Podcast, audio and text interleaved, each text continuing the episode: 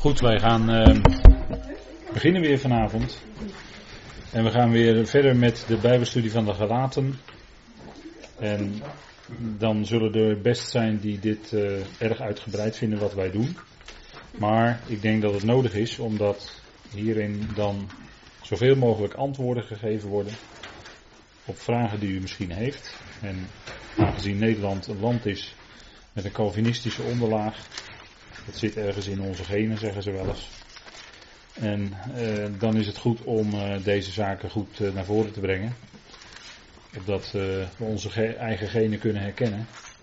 En in het juiste geestelijke zicht en licht kunnen hebben op hoe dat zit met wet, met genade en alles wat ermee te maken heeft. Dus we gaan vanavond verder in hoofdstuk 3. Wat uh, soms een, uh, als een moeilijk hoofdstuk wordt ervaren. Maar daarin uh, gaat Paulus onderbouwen waarom hij zijn evangelie predikt en hoe dat zit vanuit Abraham, belofte, genade en wet. En vooral hoe het zit met de wet, hè? dat is heel belangrijk. Dat is altijd weer de vraag onder christenen, onder gelovigen. Hè? Wat dan de wet? Nou, daar zullen we vanavond heel diep op ingaan. Wat dan de wet, hè? die vraag. Want daar zitten toch een hoop christenen mee. Dus uh, dat zullen we ook vanavond uh, aan de orde krijgen. Ik wil graag eerst met u beginnen met gebed en daarna gaan we een stukje lezen. Trouw vader, wij danken u dat we ook vanavond weer bij elkaar mogen zijn en dat weer doen rondom die boeiende brief aan de gelaten, die maar zo weinig bestudeerd wordt door christenen, door gelovigen. En dat is ook wel wat begrijpelijk, vader, omdat men toch regelmatig leeft onder de wet of in een wettisch gegeven, in een wettische omgeving. Vader, en het lijkt wel alsof mensen daar maar niet los van kunnen komen. Dank u wel, Vader, dat u daartoe juist die gelaten brief hebt gegeven. Door de woorden te spellen, Vader, van die brief willen we aan het licht brengen hoe dat zit. De waarheid, en met waarheid komt ook licht. We danken u, Vader, dat u ons licht geeft door dat ene woord van u. Dat is als een lamp voor onze voet en een licht op ons pad. En dank u wel dat we mogen zien daardoorheen wie u bent en dat u de gever bent van alle beloften, dat u de bron bent van alle genade. Dank u wel dat u door uw geliefde Zoon, onze Heer Jezus Christus, ook ons vanavond nabij bent. Dat Hij onze Heer is, dat Hij ons hoofd is, door wie wij alle voeding ontvangen. Dank u wel, Vader, dat u ook ons vanavond daartoe weer wilt aanhouden, wilt voeden en koesteren met het woord. En geeft u wijsheid in het spreken, dat het mag zijn tot opbouw, tot lof van u. En geeft u ook ons een geopend hart om te verstaan wat u te zeggen hebt. Vader, daar dank u voor. Ook vanavond in de machtige naam van uw geliefde zoon. Amen. Goed, wij willen met elkaar lezen dan een stukje waar we mee bezig zijn in Galaten 3.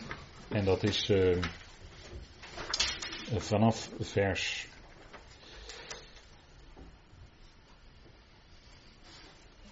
15, even voor het verband, en dan lees ik met u even door tot en met vers 22. En we zijn beland in vers 18, 19 en aan vers 22 komen we niet toe vanavond. Maar goed, dat geeft niet. We lezen vanaf vers 15. Broeders, naar de mens zeg ik dit, net zoals dat van een mens, wijst niemand een bekrachtigd verbond af of wijzigt het. Aan Abraham nu werden beloften uitgesproken en aan zijn zaad. Hij zegt niet en aan de zaden als over velen, maar als over één. En aan uw zaad. Dat is Christus. Dit zeg ik echter. De wet die na 430 jaar gekomen is, maakt een verbond dat tevoren bekrachtigd is door God, niet ongeldig. Om de belofte buiten werking te stellen. Want indien uit de wet de lotgenieting is, is het niet langer uit de belofte. Aan Abraham heeft God echter de, door belofte genade geschonken. Wat dan is de wet?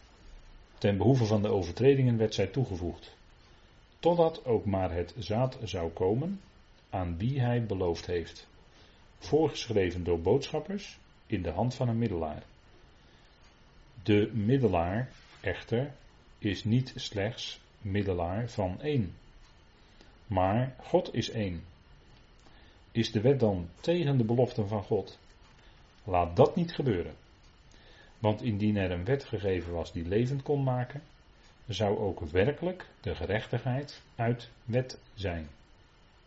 Maar de schrift sluit allen tezamen in onder de zonde, opdat de belofte uit het geloof van Jezus Christus wordt gegeven aan hen die geloven. Tot zover het stukje uit Galaten 3. En we waren met elkaar gebleven bij dit gedeelte. We zitten midden in een bepaald gedeelte van deze brief, van dit hoofdstuk. En gaat het, is het nu uit de belofte of uit de wet? Dat bespreekt Paulus in dit gedeelte. En wat eigenlijk doorloopt tot en met vers 29, het einde van hoofdstuk 3. En dan gaat het om de verhouding tussen Gods verbond met Abraham en Gods verbond wat hij via Mozes met het volk Israël sloot. Dat zijn dus verschillende verbonden. En het ene verbond, dat met Abraham, dat kenmerkt zich door genade. En genade, dat weet u, dat is uh, vanzelfsprekend zonder voorwaarden. Genade is een geschenk wat je ontvangt. En daar hoef je niets voor te compenseren. Daar hoef je niets voor terug te doen. Je, je mag God ervoor danken. En dat is al, alles eigenlijk. Dat is alles. En de wet, het verbond, het oude verbond, hè, zoals het dan genoemd wordt, omdat er aan Israël ook een nieuw verbond wordt gegeven, was met voorwaarden. Dat is, jullie moeten dat doen, jullie moeten jullie aan de ene kant houden, aan de ene kant van de gestelde voorwaarden, dan zal ik mij aan de andere kant houden. Dat is dat verbond op de Sinaï. Hè? En dan zei Israël, dat hebben we ook gezien met elkaar, bij meerdere gelegenheden, al wat de Heer gesproken heeft, zullen wij doen. Het was ook om te doen. Dat oude verbond was gegeven om te doen. Dat staat ook in Deuteronomium duidelijk aangegeven. Hè? Maar Paulus die verandert dat als het gaat om dat doen. En dan verandert hij het in geloof. En dat is ook het karakter van zijn evangelie. Geloof, zoals bij Abraham. Abraham ontving beloften. En dat was om niet. Abraham hoefde geen tegenprestatie te verrichten om die belofte te ontvangen. En het was alleen een kwestie van tijd, van geduld, dat Abraham de belofte ontving. En natuurlijk ging die belofte dieper dan alleen Isaac. Maar dat maakte hen beiden wel aan het lachen. En dat was het lachen van het geloof. Het gaf hen vreugde. Het was het lachen, de vreugde van het geloof. Yitzchak betekent hij die doet lachen. Nou, dat is ook zo. En degene die ware en veel diepere, blijvende vreugde geeft, is het zaad waar Isaac een type van was. Dat is onze Heer Jezus Christus. Dat hebben we ook gelezen met elkaar. Hè? Dus daar valt geen spel tussen te krijgen. Paulus zegt dat gewoon zo. soms zou je kunnen zeggen met typologie, nou ja goed, ik weet het niet of dat zo is. Maar als het hier gaat om duidelijk wat dat nageslacht is wat aan Abraham beloofd was, dat dat de Christus is, nou dat heeft Paulus toch wel duidelijk laten zien. En dan maakt hij dus eh, even heel scherp als eh, deskundige uh, verschil tussen een enkelvoud en een meervoud. En in dit geval is dat wel heel treffend. Het, is dus, wijst dus naar de Christus uiteindelijk. Hè? En dat is ook natuurlijk wat uh, de hele Torah doet. Die wijst in al haar delen naar degene die komen zou, namelijk onze Heer Jezus Christus. dat is de geestelijke betekenis van de Torah. Want dat zegt Paulus ook in Romeinen 7. De Torah, de wet, is geestelijk. En het gaat dus niet om het letterlijke voldoen aan de wet, want dat, dat is wel gebleken dat dat niet kon, maar dat gaan we vanavond ook wel zien functie van de wet. Waarom die wet dan toch erbij gegeven werd. Ondanks dat de belofte gewoon doorliep. De wet had daar in feite geen invloed op. Maar waar kwam, waarom kwam de wet er dan bij? Nou, dat laat Paulus op verschillende plaatsen zien. Dat zullen we vanavond met elkaar ook zien. En de wet is dus met voorwaarden. En genade is zonder voorwaarden. En daaraan heeft u gelijk een toetsteen. Als u evangelieprediking hoort, als er allerlei voorwaarden bij u gesteld worden, dan moet je toch wat bedenkelijk gaan kijken of gaan luisteren. Kijken hoeft niet, maar luisteren wel in je. Van hoe zit dat nou, heer? Want hier worden allerlei voorwaarden op mij gelegd. Klopt dat wel? En waarschijnlijk klopt het dan niet, want dan is het geen prediking van genade namelijk. zo kunt u bijbelse en onbijbelse prediking herkennen. dat, uh, maar goed, dat is even om u uh, op te scherpen, hè, met, uh, dat u scherp luistert. En je moet altijd scherp luisteren. Wie het ook is, maar je moet altijd scherp luisteren. En soms, helaas, hoor je dan de afwijking. En een andere keer dan merk je tot je vreugde van ja, hier wordt echt evangelie gepredikt. Hier wordt echt genade gebracht. En dan ben je blij aan het eind van de dienst. Nou, dus de wet is met voorwaarden en de genade is zonder voorwaarden. Hebreeën 6, dat heb ik vorige keer heel even snel aangehaald, maar ik, bij nader inzien denk ik dat toch heel even naar moeten kijken. Omdat ook die Hebreeënbrief best wel hele boeiende dingen zegt. Tegen de gelovigen uit Israël toen de tijd, die het koninkrijk uitgesteld zagen, die de beloften geen werkelijkheid zagen worden. Zij dachten dat het koninkrijk aan zou breken, maar het kwam niet. En daartoe is de Hebreeënbrief geschreven. Om hen mee te nemen, ook, en daarvan ben ik wel overtuigd, mee te nemen richting Paulus. Dat kun je toch uit die brief wel laten zien, hier en daar. Want toen God, Hebreeën 6 vers 13, hè, want toen God Abraham beloofde, zwoer hij bij zichzelf, omdat hij bij geen grotere kon zweren. Het gaat hier over Mozes, middelaar, over Abraham. In gelaten 3 gaat het over Abraham, de belofte. Middelaar. Hij zwoer met een eed bij die belofte die hij aan Abraham gaf. Omdat, en hij zwoer bij zichzelf, omdat hij bij geen hogere kon zweren. Vanzelfsprekend, hè? God kan bij geen hogere zweren dan bij zichzelf. En dat woord zweren, dat is eigenlijk wel weer bijzonder. Vanuit het Hebreeuws is dat het woord shevo. En dan zegt u, hé hey, wacht even, dat heb ik laatst ook gezien, want dat heeft te maken met het getal 7. Het heeft te maken met mm, volkomenheid. Met de 7. En dat is ook zo, daar zit ook een verband in. Een duidelijk woordverband in. Het is gewoon, als je het in het Hebreeuws puur de letters alleen hebt, is het, zijn het gewoon dezelfde letters. Zweren is dus hetzelfde als zeven. En de gedachte is dat je als, als je als mens zweert, dat je dan het tot zeven keer toe herhaalt. En dan is het volkomen. Hè? Dan, is het, dan is het zo krachtig gezegd, neergezet, dat het uh, vaststaat. En zweren daarin zit ook iets compleets. Hè? Dan is het met een eed gezworen, want het woord eed, uh, dat heeft daar ook mee te maken. Maar dan is het met een eed gezworen. En dan is het ook vast. Dan staat het vast. Dan is het ook volkomen. En dan zal het ook vervuld gaan worden. Dat, dat zit daar allemaal in. Dus dat, dat, dat trilt allemaal als het ware mee in dat woord zweren. Daar zit die zeven in, daar zit ook de rust in, daar zit ook uh, het volkomen in van deze, hoewel van deze oude schepping, maar goed, toch iets volkomens, wat bij God vandaan komt. En hij kon bij geen grotere dan zichzelf zweren. Daarom zwoer God bij zichzelf uiteraard. In die tijd en in de tijd van de Grieken was het heel gebruikelijk dat men uh, zwoer bij een of andere god. Hè. Maar, dat kennen wij tegenwoordig niet meer, maar uh, in die tijden uh, een eedswering bij het volk Israël ging dat natuurlijk bij, eventueel bij de naam van God zelf. En dan vers 14 en 15 van Hebreeën 6. Hij zei voorzeker, het is een zegen, dus dat zei JW tegen Abraham. Voorzeker, het is zegen en ik zal je zegenen. En vermenigvuldigend zal ik je vermenigvuldigen.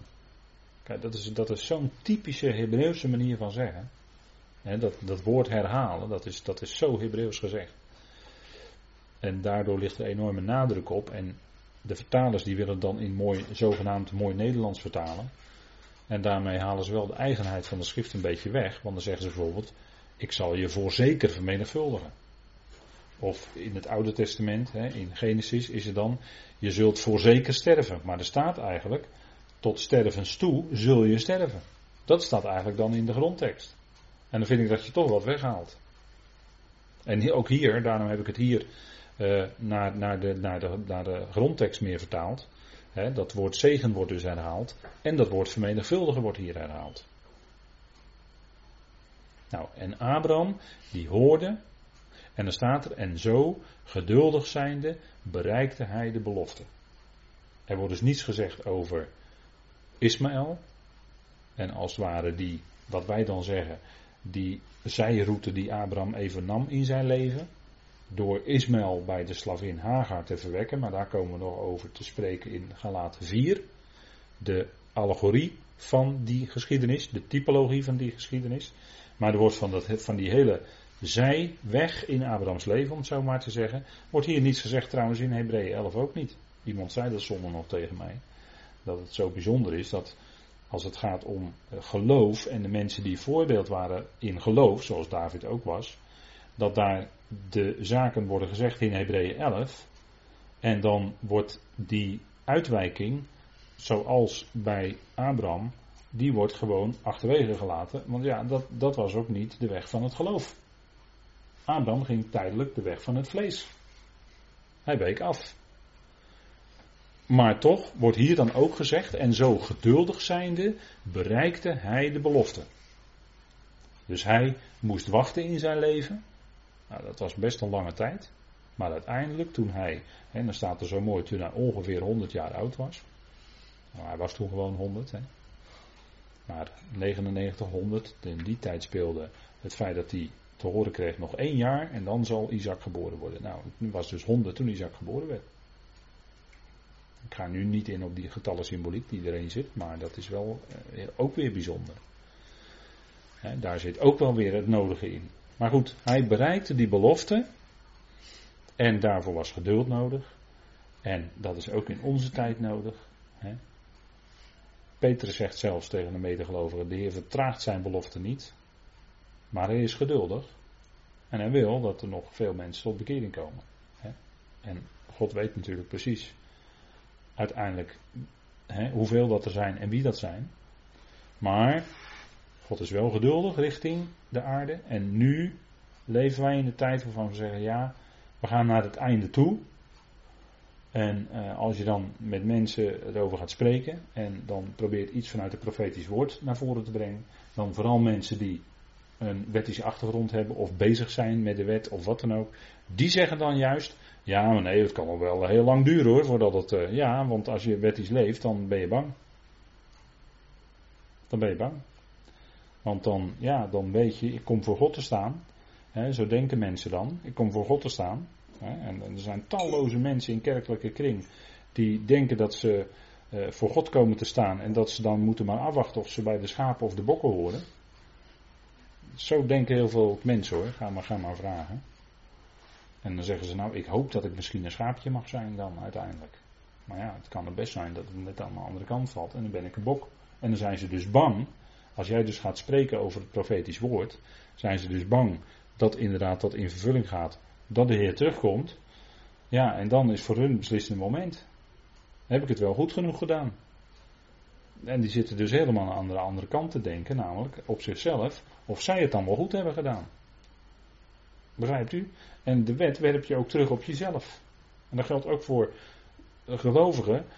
Daar waar een gelovige toch weer onder de wet gaat leven, wordt hij onmiddellijk teruggeworpen op zichzelf en gaat zich steeds afvragen of hij het, gaat zich steeds weer afvragen of hij het wel goed doet. Snapt u? En dan, dan, dan is dus de blikrichting van de gelovige anders geworden. Namelijk de gelovige ziet dan niet meer op de Heer die genadig is, maar hij ziet op zichzelf ja, dan word je, niet, word je bij regelmaat niet vrolijk, want ja, dan ontdek je wel dat het misschien toch niet allemaal zo goed is. En, eh, maar als je omhoog kijkt naar de Heer, dan besef je, ja, maar ik leef in genade. En dat, dat weerhoudt je dan juist om die dingen te doen die je wel gaat doen als je onder de wet leeft. Want ja, dan, uh, ja, dan weet je de regel wel, maar dan ga je hem juist proberen te overtreden. Want dat zit gewoon in de mens. Dat zit in de mens. Als je dat gaat prikkelen, ja, dan ga je juist. Dan komt er juist weerstand. Dan gaat juist. En dat is precies het, het, proces waar Paulus over schrijft in Romeinen 7, waar ik het nu over heb. Dan krijg je die situatie van, ja, als ik het goede wil doen, ligt het kwade mij bij. En dan met mijn verstand, ja, dan vind ik die wet, van God, dat woord van God, vind ik geweldig. Maar eh, in mijn leden ontdek ik heel iets anders. Dat daar de zonde in werkt. En je wordt dus weer teruggeworpen op jezelf. Dat trek je naar beneden. Nou, en dat is, dat is bij, bij mensen aan de hand die dus onder de wet leven. Die zijn constant bezig met zichzelf, of zij het wel goed doen. Constant aan afvragen. En dan tot in de kleinste pieterpeuterige dingetjes aan toe. Zijn ze constant afvragen of ze dat wel, wel goed doen. Ja, waarom eigenlijk? Weet de Heer dan niet wie je bent? Natuurlijk weet hij dat. En de Heer ziet je hart aan. En hij heeft je lief. De Heer kijkt door onze buitenkant heen. Dus dan kunnen wij wel heel erg gaan proberen ons best te doen. Maar de Heer ziet toch naar je hart. Hij kijkt gewoon dwars door die buitenkant heen. Die, nou ja, goed. Zo, zo ziet de Heer dat, hè. En hij ziet ons aan in genade. Hij ziet ons aan in Christus Jezus notabene. Zonder smet, onbeschuldigbaar. En als je dan jezelf onder de wet gaat plaatsen, dan ga je weer jezelf constant beschuldigen, want jij hebt het weer niet goed gedaan deze dag. Dat is dus, ben je dus net weer aan de andere kant bezig, hè? dat, dat is nou dat constant, en een gelovige is constant, loopt hij het, loopt het risico, dat hè, zeker als er andere predikers komen die dat misschien heel overtuigend kunnen brengen, en die dat, ja, maar staat ook in de Bijbel, weet je wel, is het dan? Ja, staat ook in de Bijbel allemaal. Ja, inderdaad, staat allemaal in de Bijbel. Klopt, maar je moet wel bij Paulus zijn. En als ik dat zo zeg, wordt dat door anderen weer niet in dank afgenomen. Maar het is wel zo. Maar kijk, Abraham die leefde uit geloof. Die leefde in genade. Die leefde op de beloften van God. En zo zouden wij ook leven. Abraham heeft zijn hele leven nooit onder de wet geleefd. Nooit, want die was er nog lang niet. Dat duurde nog een half millennium ongeveer. Dus, dus Abraham heeft nooit zijn eigen ellende leren kennen. Nee, was dat nodig dan? Was het nodig dan? Hoe ken je je ellende? Hè? Dat staat in de catechismus, maar ja, dat is buiten de Bijbel. Hoe ken je je ellende? Uit de wet Gods. Maar waar staat in de Bijbel dat je eerst je ellende moet kennen? Waar staat dat? Ik wil graag het antwoord, maar ik denk niet dat iemand daar antwoord op kan geven, want het staat er niet. Die schrift is gegeven opdat wij Christus zouden kennen. Niet onze eigen ellende, maar dat wij Hem zouden kennen. Want daar gaat het om bij Paulus. Filippenzen 3. Opdat ik Hem kennen en de kracht van zijn opstanding. Daar leefde hij uit. Dat was zijn kracht. Nou, en Abraham leefde ook uit de belofte van God. En hij heeft geduldig gewacht uiteindelijk. En bij hem moest, moest, ja, hij moest nog iets leren. En dan, toen liet God hem dan die weg gaan, zijn eigen weg. Ja, goed. Maar het is allemaal, al, die tijd bleef die belofte gewoon staan. Abraham ging zijn eigen weg, de weg van het vlees. Verspeelde hij daarmee de belofte van God? Nee. Hij verspeelde niks. Ja, maar hij week toch af? Ja, inderdaad, hij week af. Maar goed, dan kunnen wij nu nog onze lering uittrekken. Maar die belofte bleef gewoon staan, want die belofte was gegeven in genade, dus die trok God niet terug. Abraham gedroeg zich er even niet naar, maar God, God nam die belofte niet terug. Dat is ook genade hoor, dat is de werking van de genade in het leven van Abraham. Dat staat gewoon allemaal geïllustreerd voor ons in de Bijbel. Nou, hij was geduldig en hij bereikte de belofte. En dan gaat de Hebreeën schrijven verder. Mensen zweren immers bij iemand die hoger is. En de eed tot bevestiging is het einde van alle tegenspraak. Waarin God, meer overvloedig bedoelend aan de lotgenieters van de belofte te betonen de onveranderlijkheid van zijn raad, heeft bemiddeld met een eed. Nou, dat is misschien wat een ingewikkelde zin, dat, dat begrijp ik wel, als ik me zo lees. Maar kijk, mensen zweren immers bij iemand die hoger is. God kon dat niet, want God is zelf de hoogste. Dus die zwoer bij zichzelf. En de eed tot bevestiging is het einde van alle tegenspraak. Hij zwoer het met een eed, dus ja, er valt helemaal niks meer aan te veranderen. Kijk, dat woord tegenspraak, dat heb ik wel eens vaker aangehaald, maar dat staat hier antilogia. Dat, is, dat herkent u wel, denk ik, als ik dat zo zeg. Dat is, anti is in het Grieks eigenlijk in plaats van. Hè? Dus dat is een woord in plaats van dat woord wat al gesproken is. En als er vandaag aan de dag ook tegensprekers zijn, net als in de tijd van Paulus, dan willen zij dus hun woorden in de plaats stellen van het evangelie dat Paulus brengt. Want daar gaat het dan uiteindelijk om. Hè. Tegenspreken, dat heeft als doel uiteindelijk de eigen woorden in plaats te stellen van wat al gesproken is en wat vast ligt. Wat gewoon zo in de schrift staat. Nou, hier wordt het woord dus ook gebruikt, hè, tegenspraak. Antilogia, dat is een in plaats van woord.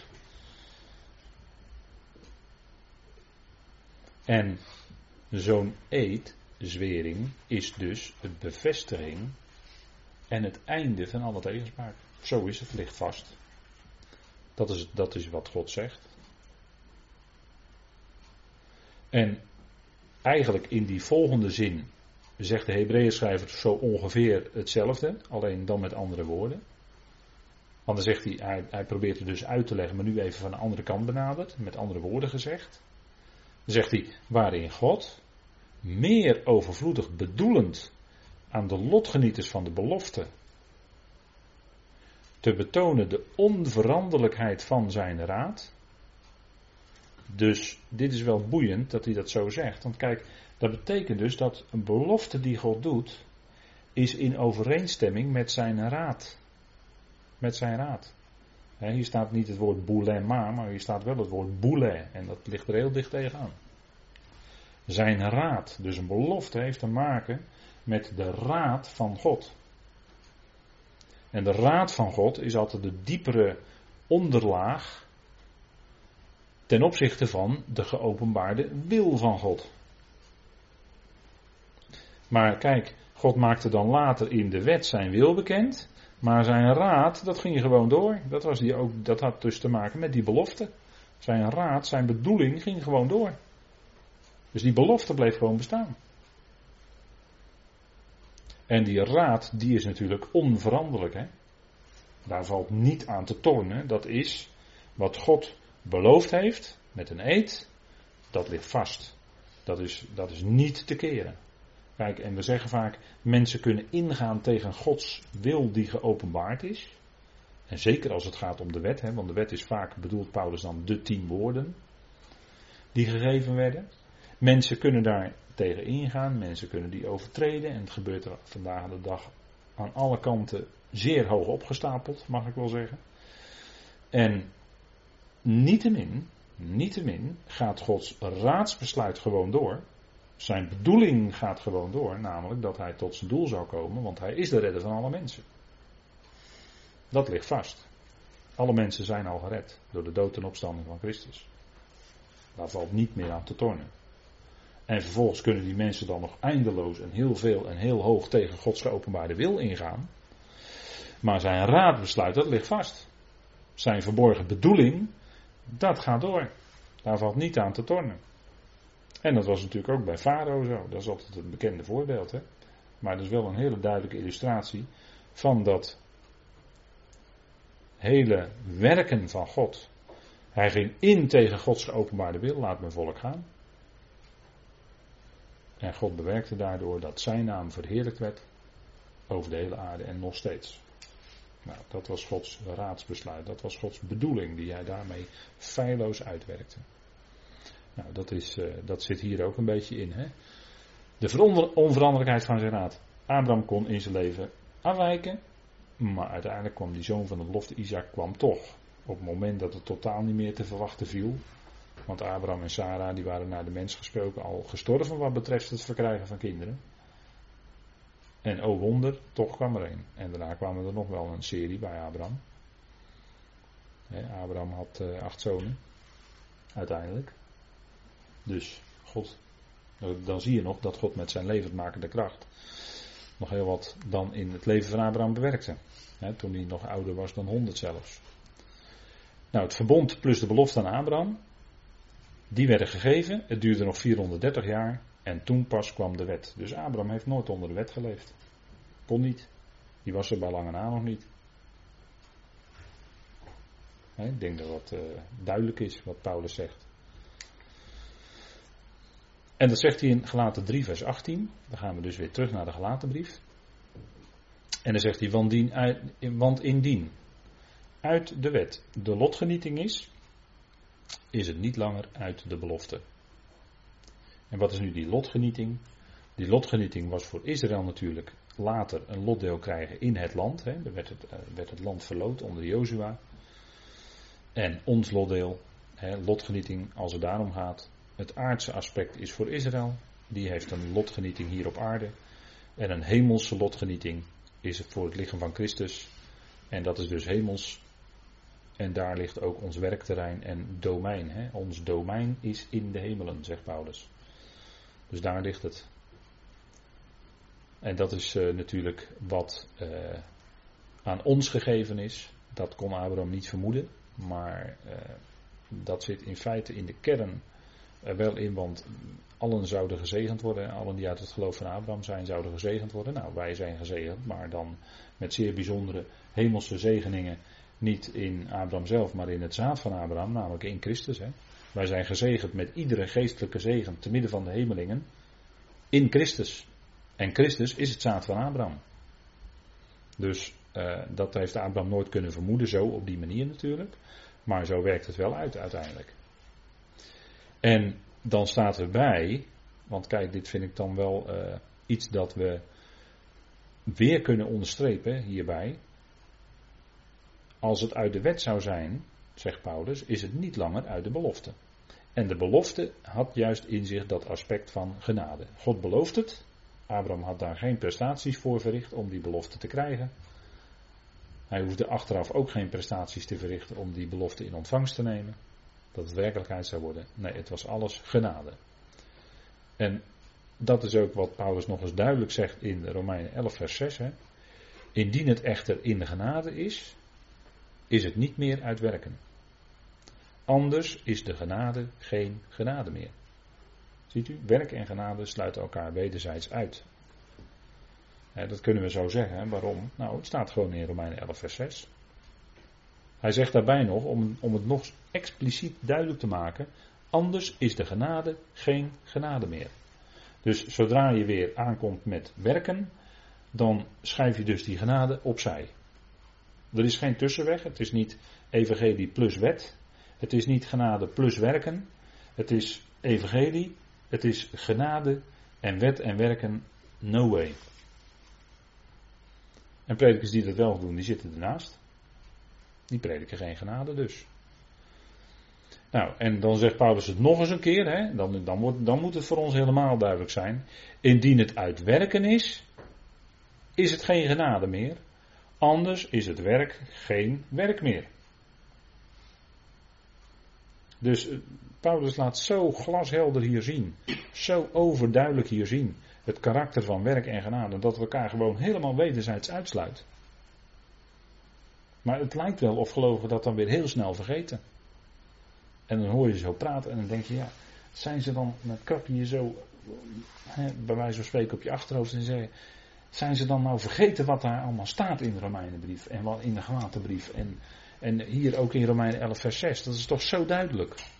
Dit is toch zo duidelijk. Nou, maar dat is goed, dat houden wij, ik hou u dat dus weer voor opdat het voor u duidelijk is. En dat zouden wij dan ook elkaar voorhouden, steeds weer. Dat we dit niet vergeten. Want we zijn het o zo snel vergeten. En zondag hoorde ik nog iemand die een aantal jaren geleden ook, ook uh, heel snel omgeswitcht is van, een, van het overtuigd zijn van de evangelie van Paulus naar, laat ik maar zeggen, de andere kant. Naar wet en werken en weet ik het allemaal. En misschien in wat mindere mate dan anderen. Maar wat hoor je dan? Nou, die is nu bezig met allerlei andere dingen, maar die studeert niet meer in het woord. Oh. Ja, dat heeft het dus tot gevolg. Begrijpt u? Dat denk ik dan erbij, hè? Dat heeft het dus tot gevolg. Geen belangstelling meer, kennelijk, voor het woord. En dan kan je toch zien wat, wat daar dan aan de, gang, aan de hand is. Hè? Maar kijk, bij die genade blijven, dat, dat, doet je ook, dat blijft ook die vreugde in je leven geven. Anders raak je het kwijt. En daarom zei ik er net van, als je onder de wet gaat leven, dan ga je weer bezig met jezelf. Dat jij het niet goed doet, enzovoort.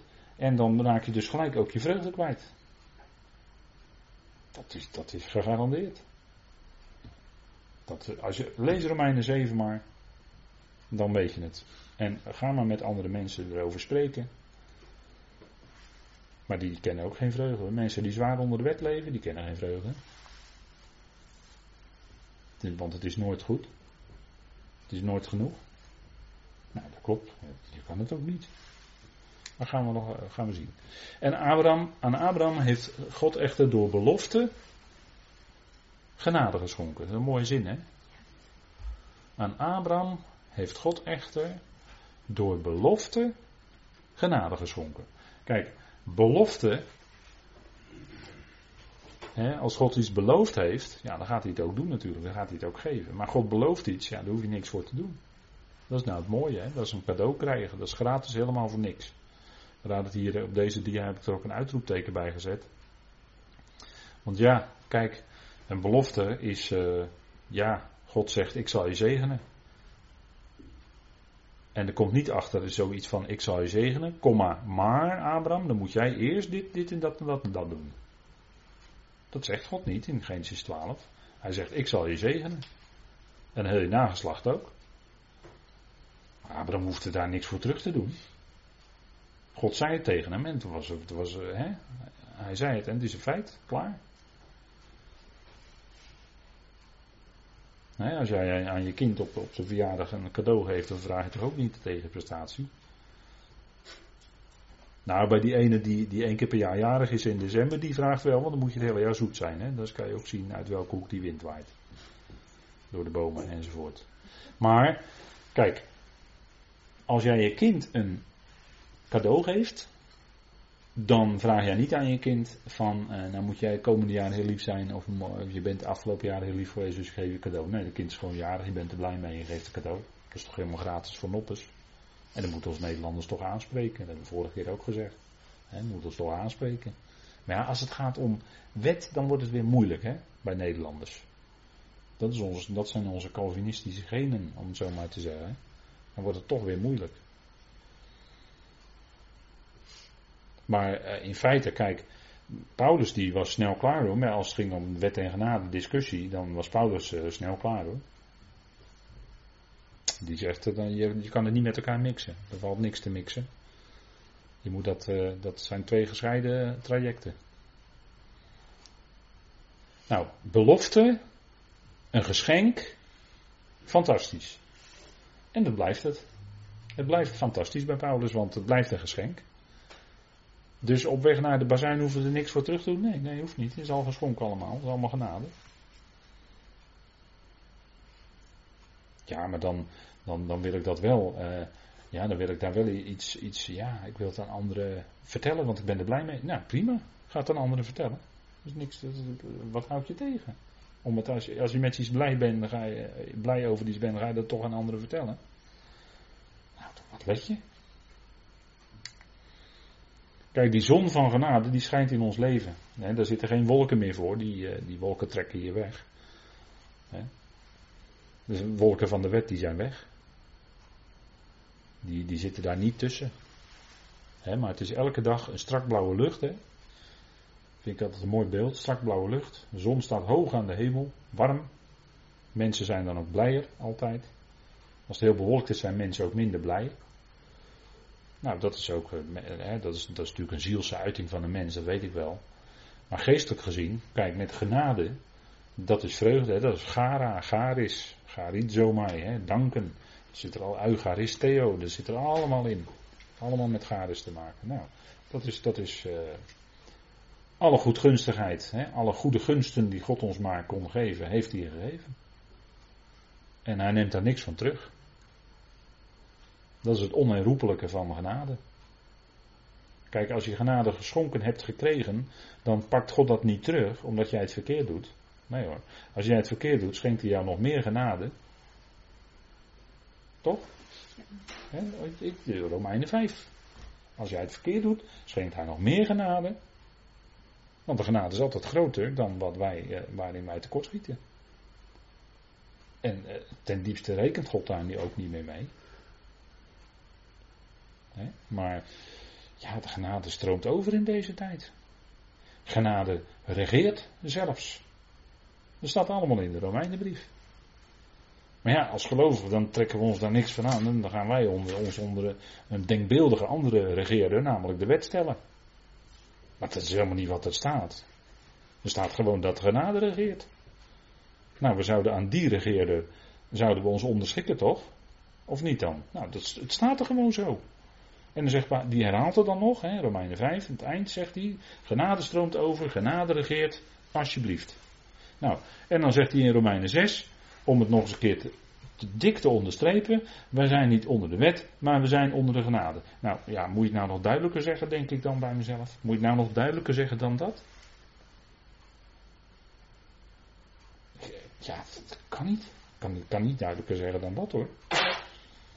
Maar ja, mensen die, uh, ja. Mensen zijn soms hele wonderlijke wezens. Belofte is ouder dan de wet. En de belofte blijft vervuld. En dan is de grote vraag: wat dan is de wet? Die vraag werpt Paulus op in Galaten 3, vers 19. En die wordt in, in christelijke groepen en kerken, die wordt ook steeds weer opgeworpen natuurlijk, op een of andere manier. Wat dan is de wet? Er zijn er altijd wel een paar die daar gevoelig voor zijn. als de genade gepredikt wordt, dan zijn er altijd een paar die komen met ja, maar, en dan weet u het al, hè. Gaan we weer. Dan denk ik van, ja, dan gaan we weer. Wat dan is de wet? Nou, dan kan je afvragen, hè, kijkend naar die tien woorden. Wat dan is de wet? Nou, Paulus geeft er antwoord op. Natuurlijk, hij wist het als geen ander. Hij had eronder geleefd. Tot en met. Wat dan is de wet? Nou, dan zegt hij, hij geeft zelf het antwoord natuurlijk in uh, hetzelfde vers. Ten behoeve van de overtredingen werd zij toegevoegd. Dus even, hè, die belofte die liep gewoon van Abraham. Maar er werd iets toegevoegd. Er werd op een gegeven moment iets toegevoegd bij Israël. Dat was de wet. En dat ten behoeve van, dat is zelfs het Griekse woord garin. Dat betekent ten gunste van. Zelfs. Dat is hetzelfde woord als in Efeze 3, vers 1. Waar Paulus zegt: Ten behoeve hiervan buig ik mijn knieën. Ten behoeve hiervan. Er staat ook hetzelfde woord ten gunste van. En dan zegt hij dus, ten behoeve van de overtredingen werd zij toegevoegd. De overtredingen. Wat, wat zijn dat? Nou, een overtreding is letterlijk dat je ernaast stapt. Dus je blijft niet op de lijn, maar je stapt ernaast. De wet legt dan de lijn voor je uit, daar moet je op lopen en jij stapt ernaast. Of jij stapt er overheen, over die grens die gesteld is, over die regel die gesteld is. Jij stapt er overheen of je stapt ernaast, hoe je het zeggen wilt. En dan is dat dus een overtreding. Dus de wet maakt de zonde tot een overtreding. Dus de wet maakt het eigenlijk alleen maar erger.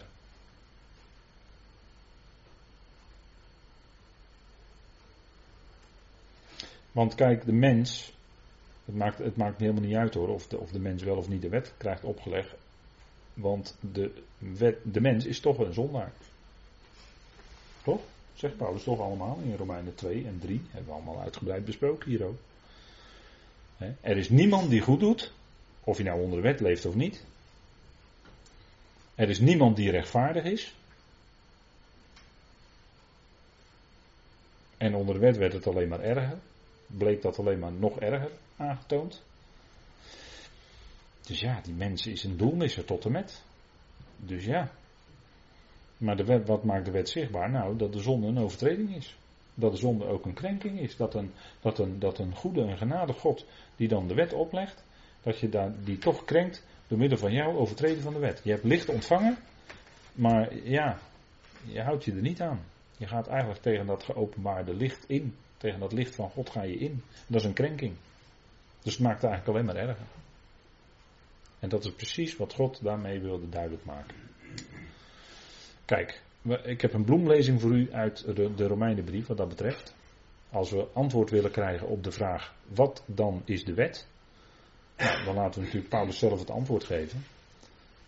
En natuurlijk is dit Christus Jezus die het antwoord geeft, hè, door Paulus heen. Zo, zo wil ik het ook wel zeggen hoor. Het is hier Christus Jezus die ons antwoord geeft, hoe het zit. Uit werken van de wet zal geen vlees gerechtvaardigd worden, want door wet is erkenning van zonde. Door wet ga je alleen nog maar scherper en duidelijker erkennen Dat je een doelmisser bent. Dat er die zondemacht is. En dat je zelf als mens niet in staat bent om je daaraan te onttrekken. Je bent een slaaf van de zonde. Door wet is erkenning, dat is het woord epignosis. Erkenning, dus het is meer dan alleen kennis, maar het is erkenning van zonde. Dus de wet maakt het alleen maar erger. Hè? De wet bepaalt je nog duidelijker bij dat doelmissen. Je wordt daar steeds, op, steeds nog sterker op gefocust. Nou, Romeinen 4. Want indien degenen die uit de wet zijn, lotgenieters zijn, is het geloof ijdel geworden, dus leeg. We moeten even, even bedenken wat hier staat. Hè? Want indien degenen die uit de wet zijn, lotgenieters zijn, dus is de, is de lotgenieting uit de wet. Wat zegt Paulus dan? Dan is het geloof ijdel geworden. Ijdel is leeg. Wat wil dat zeggen? Als jij dus onder de wet gaat leven, heb je niks meer aan je geloof. Ben je niet meer bezig met het geloof, maar ben je bezig met de werken. Dat, dat zegt hij. Het geloof is dan ijdel geworden, leeg. Dus als jij als gelovige onder de wet gaat leven, dan is jouw geloof leeg op dat moment. Ja, sorry. Het is, het niet anders. Dat staat hier toch gewoon zo. Dan is het geloof ijdel geworden. Dat zeg ik niet, dat staat in Romeinen 4. Is leeg. En dan kan het prachtig mooi lijken en vroom en weet ik wat allemaal. Maar hier staat gewoon, dan is het geloof leeg. Ijdel. Dat is hetzelfde woord als in prediker. Ijdelheid der ijdelheden, alles is ijdelheid. Waar ben je dan dus mee bezig? Als je als gelovige onder de wet gaat plaatsen, dat is het najagen van wind. Dat is leeg. Ja, zo is het wel hoor. En dan is de belofte buiten werking gesteld. Ja, als je uit de wet die lotgenieting kan verkrijgen, hè, door je wetswerken. En ja, maar het is toch wel een mooie leefregel. Kwatsch, als je dat zegt. Kwatsch. Je geloof is leeg. Daar kun je zulke mooie termen overheen plakken. Heel vroom, klinkt heel mooi, maar je geloof is leeg. Want geloof is het principe, zegt Paulus in vers 16 van dit hoofdstuk, dat overeenstemt met genade. Let wel, hè. En dan is de belofte dus buiten werking gesteld. Maar ja, dan heb je niks meer aan de belofte. Jij gaat het zitten verdienen. Dus ja, die belofte heb je niet meer nodig. Jij, jij doet het wel. Eigenlijk zeg je daarmee heb je Christus niet nodig hoor. Tussen haakjes. Maar daar komen we nog op in Galaten 5. Dan is Christus u niet nut, staat er gewoon. Zegt Paulus gewoon allemaal hoor. Ja, vandaar dat die gelaten brief niet zo populair is onder christenen natuurlijk. Het is allemaal veel te scherp. Als je hem echt gaat bestuderen. En de belofte buiten gesteld, want de wet werkt verontwaardiging. In uw vertaling staat altijd toren, maar ik spreek liever over verontwaardiging. Want waar geen wet is, is ook geen overtreding. Ja, als jij, hè, als er geen, uh, langs, langs, de Rijksweg geen bordje staat van 100 kilometer en je rijdt 120 en je krijgt een bekeuring, zeg je, hé, klopt niet, er stond geen bordje. heb je gelijk. Maar zodra er een bordje staat, 100 kilometer, en jij gaat toch 120 rijden en je wordt geflitst, ja, dan moet je betalen aan het CEIB hè, in Leeuwarden. Nou, dat weet je wel goed, zeg, zegt u dan tegen mij. Ja, klopt. Dat klopt, ja. Ik heb wel eens zo'n Axapiro gehad, helaas. Ik denk de meeste van u wel, hè. Het is mij wel eens overkomen, dus ja, nou ja, goed, het zei zo. Maar op het moment dat je dus geen bordje neerzet van 100 kilometer, of van 50 in de bebouwde kom, of 30 zelfs, ja, dan, dan maakt het niet uit, hè. Dus kijk, op het moment dat je dus een regel gaat stellen, is die ook te overtreden. Als er geen regel is, kan je hem ook niet overtreden. Simpel hè. Hetzelfde als de moeder die een mat voor de deur legt en zegt tegen de kinderen: Je moet je voeten vegen. Ja, op het moment dat ze voeten niet vegen, hebben ze de regel overtreden. En lopen ze met hun smerige schoenen het huis in. Moeten ze dat allemaal weer opruimen. Daarvoor is die regel dan natuurlijk. Nou, logisch hè. Maar als moeders niks zegt, ja, dan lopen ze gewoon met hun modderschoenen naar binnen. Of hun zandschoenen. Met alle gevolgen van die. allemaal kras op het laminaat of je, je andere vloerbedekking beschadigt. dat soort dingen. Dat zijn allemaal van die uh, opvoedingsproblemen. Maar kijk, waar geen wet is, is ook geen overtreding. Dus zo eenvoudig is het eigenlijk, hè? Weer. En dan zeg je, ja, als je het zo allemaal hoort, is het allemaal niet zo moeilijk. Nee, het is allemaal niet zo moeilijk, maar ja, mensen zijn soms heel moeilijk met die dingen. Wat dan de wet? Wat is dan de wet? Nou, we gaan nog even door. Kan nog net voor de pauze. We hebben al trek in koffie natuurlijk, maar kan nog net even. Wat dan is de wet? Nou, Paulus zegt in Romeinen 5, vers 13. Maar de zonde wordt niet toegerekend als er geen wet is. Want Paulus zegt daar in Romeinen 5, daar ga ik niet te diep op in, maar dat de zonde ook heeft geheerst van Adam tot Mozes. Van Adam tot Mozes, al die tijd, dat is een lange tijd hoor, was er geen wet. Dat was, uh, nou, een kleine 2000 jaar denk ik. Dat is toch behoorlijk lang, zonder wet. Maar Paulus zegt, maar de zonde wordt niet toegerekend als er geen wet is. Nee, dat kan ook niet. Zou ook raar zijn. Als God ons iets zou aanrekenen, voor een regel die hij nooit gesteld heeft. Dat zou raar zijn. Paulus zegt dat ook, dat is ook raar, want zonde wordt niet toegerekend als er geen wet is. Nee, dat is logisch. Maar wat is een functie toch van de wet? Nou, dat zegt hij dan aan het eind van de Romeinen 5. Maar de wet is bovendien ingekomen opdat, let op het woordje opdat, hè, dat is doel aanduidend. Hè, het is met een duidelijke bedoeling, opdat de krenking, dat is dus nog iets verdergaand dan een overtreding. Een krenking, daar verwond je iemands gevoelens mee van binnen. Dat gaat dus verder dan alleen een overtreding. Maar de wet is bovendien ingekomen opdat de krenking zou toenemen. Dus die wet had de duidelijke functie om te laten zien bij het volk Israël waartoe de mens in staat is. Al krijgt hij een prachtige wet opgelegd het blijkt dat hij die aan alle kanten overtreedt en Gods hart ermee krenkt. Want geen andere goden voor mijn aangezicht. Nou, jongen, jongen, jongen, jongen, jongen.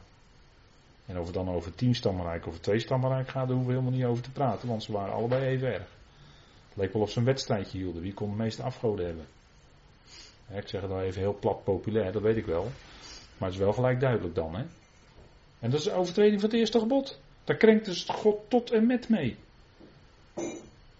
En we doen de mensheid. De mensheid die stelt het schepsel, die gaat het schepsel eren in plaats van de schepper. En dat wordt door Paulus aangegeven in Romein 1. Ze hebben God niet als God verheerlijkt of gedankt. Nou, dat is vandaag de dag nog steeds zo. Mensen hier ook in Nederland, nou, we hebben het goed, we hebben het rijk, we hebben het allemaal prima naar ons zin zonder God. Allemaal, allemaal vrolijk, we leven allemaal vrolijk en vrij. En, eh, vrijheid is een groot goed enzovoort. We hebben net weer bevrijdingsdag gehad. Vrijheid is een groot goed. Ja, je moet gewoon kunnen doen wat je wil zonder dat je ander nou mee daar in de wielen rijdt. Hè.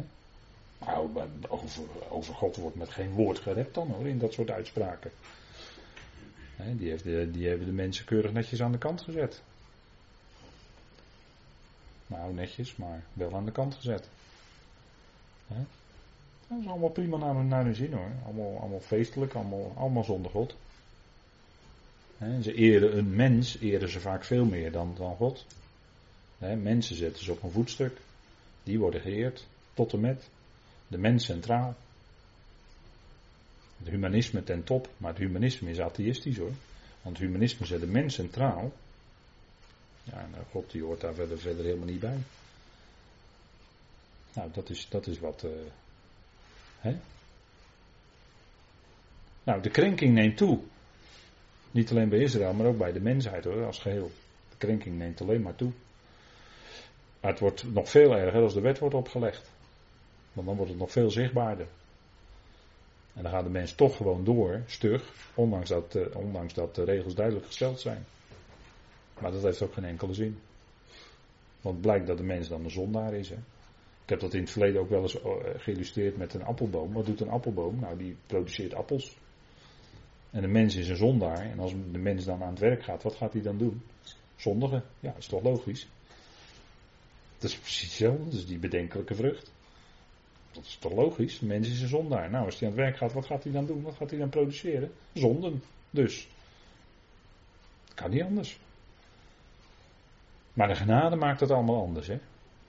Als je die God van de genade leert kennen, dan, maakt het allemaal, dan wordt het allemaal anders. Nou kijk, van Adam tot Abraham, geen wet. Van Abraham duurt het nog 430 jaar en dan pas komt de wet. En er werden beloften gegeven aan Abraham, maar die gingen gewoon door.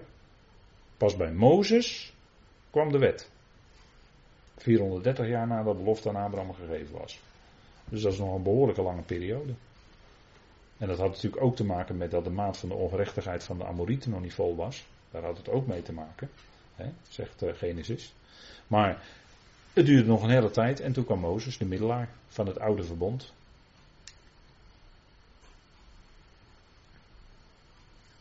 En dan tenslotte op de vraag wat dan is de wet, en dat is dan het einde van deze reeks teksten over het antwoord op deze vraag.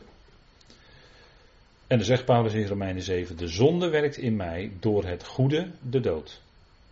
Opdat de zonde bovenmate zondaar werd door het gebod. Dus het gebod liet zien dat die zondemacht een bovenmatige zondaar is. En niet in staat is om het goede te doen. Want de zonde werkte in Paulus door het goede, namelijk de wet. Want de wet is op zich goed, heilig en rechtvaardig en geestelijk. Maar de zonde werkte in mij door het goede, de dood.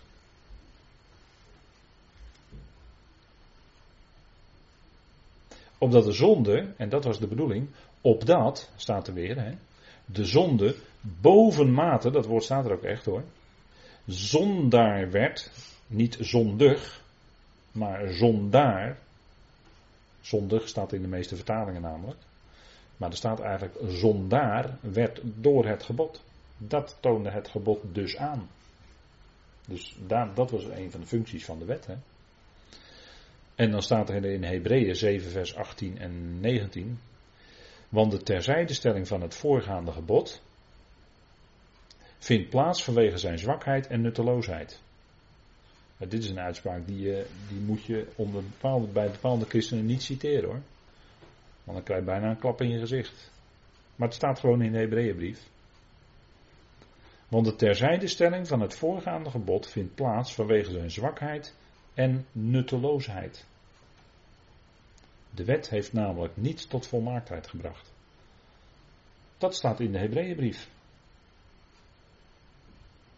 En ik hoop dan altijd heel stilletjes dat mensen die zo erg voor de wet zijn, dit ook eens lezen, wat hier in Hebreeën staat. Want het is ook wel weer erg duidelijk, hè? Want meestal wel, ja, ja, jij altijd met je Paulus wordt er dan gezegd. Dan zeg ik van nou oké, gaan we in Hebreeën kijken. Waarschijnlijk niet door Paulus geschreven. Dus misschien wat, wat dan zitten we even op een ander spoor te praten met elkaar. Maar dan dit. Dit dan.